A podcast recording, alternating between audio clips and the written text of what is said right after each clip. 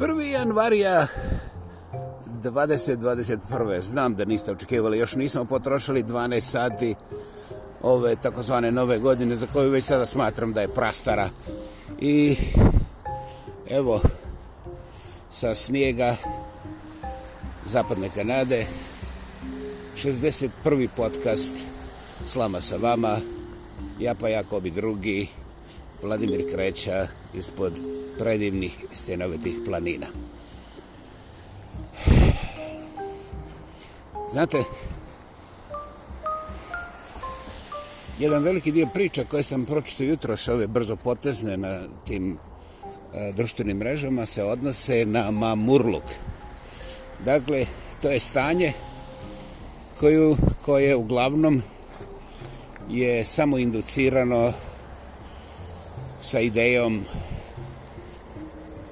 grbljenje nekakve univerzalne i najbolje sreće koje može. Znači, skupiš cijelu svoju familiju oko sebe ili najbolje prijatelje i onda se, kako se to lijepo slikovito kaže, ubijete, one smislite totalno kuvajući svoje vlastite moždjane. Uzbudljivo. E, mislim, Ako uzmete, recimo, pomirite stvar negdje 2000 godina ranije, pa izaberete neka mjesta, dobro, možete i malo više godina unazad, koliko god hoćete. Unazad nema problema sa alkoholom. Eto, da skratimo priču. Ja sam, ja sam imao tu vrlo neprijetnu situaciju da sam slučajno upalio radio auto i interesantno, prva stvar koju sam čuo, e, jedan mlad policajac na ulicama grada ubijen kao muha. Najvjerovatnije se radi o pijenom vozaču, naime policajac je radio redovitu kontrolu i izašao je na cestu da zaustavi sljedeći auto. Više nikada nigdje neće izaći. Ovaj junačina vjerovatno pijeni ili drogirani ili jedno i drugo je otišao negdje u mrak misleći, nemam tu mišljenja da ga neće naći on će biti pronađen međutim za mene za mene je najvažnija stvar što mi slabo radimo na promociji trijeznoga i savjesnoga Hello guys, I like you. To bi trebalo biti pitanje. Ja ne govorim čak ni o prevenciji. Ovaj, zato što je prevencija opet ima nekakve zakonske, podzakonske i ne znam kakve druge šablone, okvire, definicije. Međutim, postoji samo jedna definicija i to stavite definiciju pod debele navodnike, koja može da radi danas i u budućnosti, a to je naša vlastita, vlastita svijest, naša vlastita kultura, ne nacionalna, ne gradska, zaboravite te gluposti. To su vam dali majmuni koji vam cijede džepove i koji vam obećavaju da ćete vi jednog dana biti nekakva njuška u gradskom, nacionalnom ili ne znam kakvom vijeću i tako umire 110% od vas vjerujući da će jednog dana biti junaci, nacionalne neka imena i tako dalje. Znači tu svoju emocionalnu i egoističku grandomaniju stavite ovaj na neka mjesta koja ja neću danas spominjati. I razmislite, ukoliko ja na primjer ne pijem, a inače vjera mi ne brani, onda vjerovatno ja imam neke razloge. Ne zato što sam šupak ili papak ili te neke ljepote koje znaju ove muškarčine, nego možda ja volim da vidim te sve svoje šupačke, papačke i ostale karakteristike onakve, onakvima kakve jesu, a ovi heroji, junaci, um, sveznalci i te moćne, super moćne muškarčine bi mogle to je njihov najveći strah da se otrizne i ako pogledaju u gledalo, kuku, radosove, možda će im to biti zadnje gledanje. A ovaj, eto, neću da guram dalje, ali o tome se radi. Dakle, dragi moji, kada sam ja govorio nula alkohola, ja se nisam zalagao za drakonske zakone koji će ići okolo i kažnjavati ljude iz čista mira ili uopće kažnjavati ljude. Ja sam se zalagao za edukaciju i informaciju, jer informacija ipak nije edukacija, bez obzira što ima i te posljedice.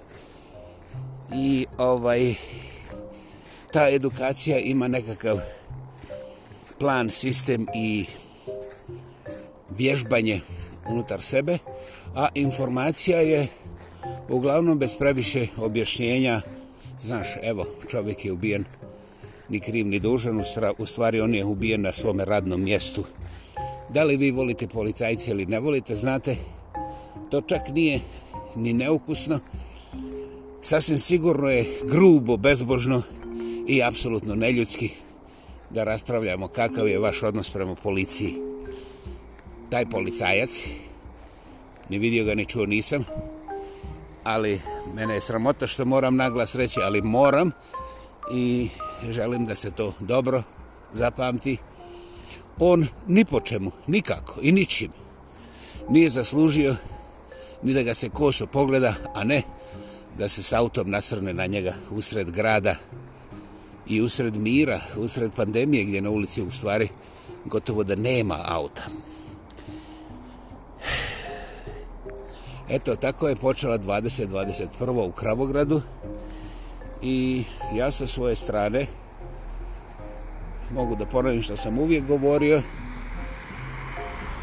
kultura ne počinje od direktive čak ni crkva ne zaboravite crkva lupa gluposti to su birokrate koje ekvilibriraju na polu trikovima i davno su zaboravili šta znači duhovna služba jer u crkvi je sve materijalno. Molit ću lijepo da pogledate pre nego što kažete bilo šta. Udahnite zaključke, zadržite za sebe, jer to što ćete vi opravdati crkvene djelatnosti kao duhovne, znate, ne zanima me.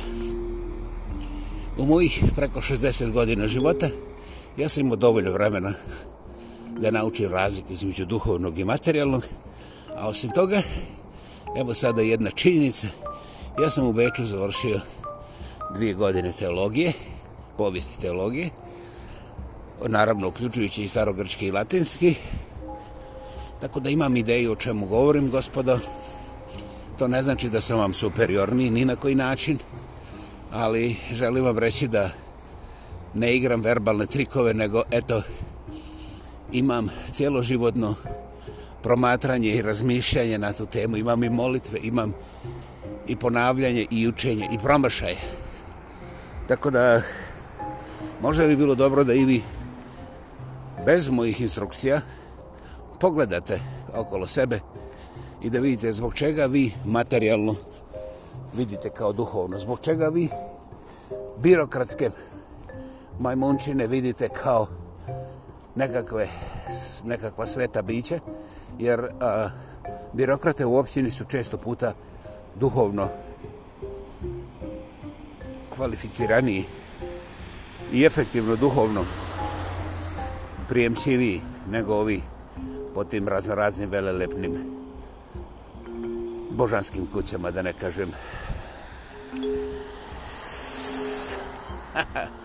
Neću reći ništa, ovaj, službena religija je ovaj, apsolutno za mene oduševljavajuća, jer sa jednim totalnim absurdom teza, ona je uspjela da se nametne promašenim i fiksiranim umovima, a ovi drugi se ne usuđuju da bilo šta prepozne. Oni stvarno vide da je to tako. Dakle, ta samo inducirana fantazija je vaš poklon vama. To vam nisam ja uradio. Ja ne mogu ništa reći loše za nešto što vi stvarno poznajete i volite ali ako ja mogu reći nešto kontra toga, onda vi u stvari to ne poznajete i doista samo ste sebe ubijedili da volite. Slama sa vama, samostalni lingvistički ateista, ne, altruista, ne, aktivista, monumentalno autentični. Ja pa ja, ko bi drugi, Vladimir Kreće ispod predivnih stinovitih planina. Ćao, bao narode. Ćao, bao narode. Počelo je, idemo, još samo 365 puta.